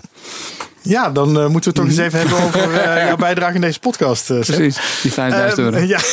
ik vond het heel leuk om hier te zijn trouwens. Dankjewel. We hebben nog, ik heb nog één taak voor jou, eh, Michael. Want Oké. eh, ik zei, we zijn aangekomen bij het punt op iets weggeven. Dus nou, Bart van der Looy, vorige keer gewonnen. Dank voor je leuke mailtje. Ehm, hier is de grabbelton. Eh Alois Oosterwijk heeft hier vorige keer een hele mooie tekening, een heel mooi prentje van eh, eh, Willem Holleder achtergelaten. Dat kan niet goed, ja. ja, en eh, aan jou eh, om de winnaar te trekken, Oké, ik eh, kijk niet in de... En ik ga nu eventjes er doorheen zo, even rammelend. Moet je dat niet filmen? Dan eh, weet je zeker dat het... eh, Dat het Ja, echt jij is. vertrouwt dit nooit, hè? nee. Misschien moeten we dit... dit is eh, eentje nu. Ja, de kijkers moeten het maar geloven. En ik moet er een naam voorleggen. Ja. Eh, Peter uit een Boogaard heeft eh, gewonnen. Peter uit den Bogaat. Dat wordt een dure. Volgens mij zit hij in België, of niet? Nou, dat weet ik niet. Er staat niks bij. Dat hoop ik niet. Nou, het, is een heel, het weegt niet veel gelukkig, dus dat scheelt. Wat, wat krijgt hij? Hij krijgt dat, dat, dat mooie prentje van Oh ja, tuurlijk. Alois Oosterwijk, eh, van eh, eh, Willem Holleder. Domme vraag voor mij. Ehm, nou, ja, nou eindig ik met... sepia is die, hè? Ja, een hele mooie sepia eh, kleur. Nou eindig ik met twee dompers. Ten eerste heb ik nu niks weggegeven voor de volgende keer. Ah. Dat is één. Ja, je kijkt me aan, Seb, van... Nou ja, kun je je petje niet floten? Nee, we kunnen een beetje Ja, niet nou, volgen. even... Of een camera. Ja, nee, Ja, dankjewel. camera is nog beter, ja. Ja, en het is goed met jullie. Ik moet nog wel kunnen blijven vloggen Of een natuurlijk. rol in de Ik vlog dacht, van Michael. Je Ik houdt, dacht je houdt houthakkersbloes. of overhemd moet ik zeggen. Dan. Nee, ik dacht dat we een abonnement op de stripglossy zouden verloten. Ja, daar heb ik niet eens meer met Seb over kunnen hebben. Ja, dat vond ik wel een kunnen leuk idee. Ik vind Als, het goed. als Seb dat goed vindt. Ja. jaarabonnement Schipglossy. En dan krijg je dus al de stripglossy met, eh, de, de met, de van Sound of Music. Nee, met, eh, met, de, eh, met, de, met, hoe heet dat? De, de Sound of Music wou ik zeggen. Maar de, die, Ja, dat die andere. De, Songfestival. Ja, dankjewel. Het Songfestival nummer erbij. Oh, dan gaat hij dan nu in, ja. Dat is wel aardig. Dan ja, heb je die toch? erbij. Ja. ja. Ja, dus een, uit- een eh, 2020 abonnement eh, voor de Stripglossy. Ja, laten we dat zo doen. Ja? Ja, kom je er lekker goedkoop vanaf, eh, meneer Minnebo? Ja, ach, ik maak een vlog Dat hier. kun je zo en, meteen eh, in je onderhandeling Ja, precies, gebruiken. die gooi Ja, precies. Eh, dan moeten we alleen nog een codewoord hebben. Ehm, vraag ik eigenlijk altijd aan mijn gast. Maar ja, jij bent nu degene die de prijs weggeeft, Seb. Dus wie, wie komt met het codewoord? Het codewoord, Ja. dat moet je even uitleggen. Eh, eh, zodat mensen eh, moeten dan naar stripjournaal.com slash actie. En dan moet je dan je gegevens achterlaten, maar ook even een codewoord. Zodat ik ook weet dat je naar deze podcast hebt geluisterd. Spider Glossy. Nou ja, hier. Spiderglossy. Ja, dat Spiderglossy. is ook weer een, een, een harde, woord. harde hint. Stripjournaal.com slash Harde actie. hint. Oh, nu begin ik hem te begrijpen. Stripjournaal.com slash actie. Eh, codewoord Spiderglossy voor een eh, jaartje striplossie eh, jaargang eh, Ja, 2020. leesplezier, dat geven Ja. mensen graag. Ja. Ja. Fantastisch. Nou, top. Ehm, en de andere domper is dat ik eh, even op vakantie ga, Seb. Dus we, moeten, we zijn pas Ah, weer ja, een maandje verder als we weer ga je kunnen naartoe? opnemen. Ik ga naar Engeland nu nog kan. Wauw, wat nu nog voordat, voordat, Waar? we, voordat ik er niet meer heen kom. Eh, de Zuidkust. Oh, wat heerlijk. Lekker warm. Brighton, Portsmouth. Ja, heerlijk warm. Ja, Ja, prachtig. dat is verstandig. Nee, gewoon leuk. Engeland, altijd leuk. Ja, zeker. Maar ik ben er dus of, precies als we weer moeten opnemen. Ja, Kijk, ja, ik, we hebben er helemaal niet. Je kwam zo laat binnen, Seb. We hebben het er helemaal niet over kunnen Ik hebben. sta met mijn mond vol tanden. Dus we moeten er even eentje skippen. Mhm. Nou, dan zijn we daarna komen we weer voor full power terug. Wist je dat er ook een standbeeld is van Popeye in Engeland? Dat er een? Een standbeeld is van Popeye in Wat Engeland, cool, ik. waar? Waar dan? Of is het Amerika? Dat kan kan. Eh, Amerika lijkt me meer voor de Ja, hand dat liggend. zeker ook te bedenken, ja. Je hebt wel een standbeeld van Peter Pan in, eh, in Londen. In, eh, Oh hier. Is dat zo? Ja. Waar dan?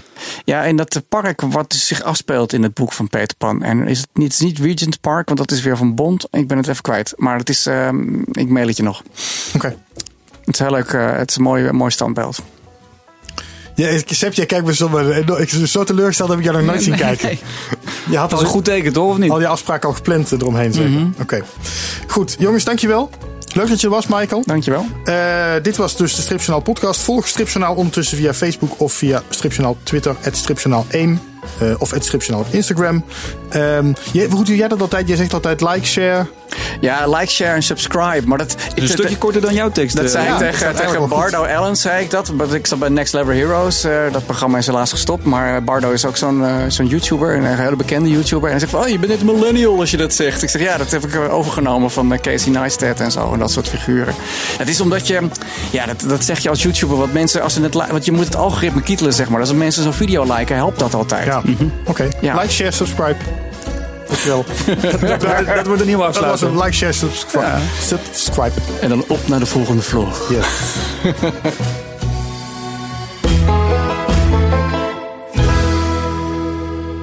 Vond je, vond je wel oké, toch? Van de striplossie eh, abonnement. Nee joh, ik eh, stuur je een factuur. Dat is mooi, want je moet mijn anderen nog betalen. Dus, eh. ja precies, dan kan ik er gelijk verrekenen. Ja. ja.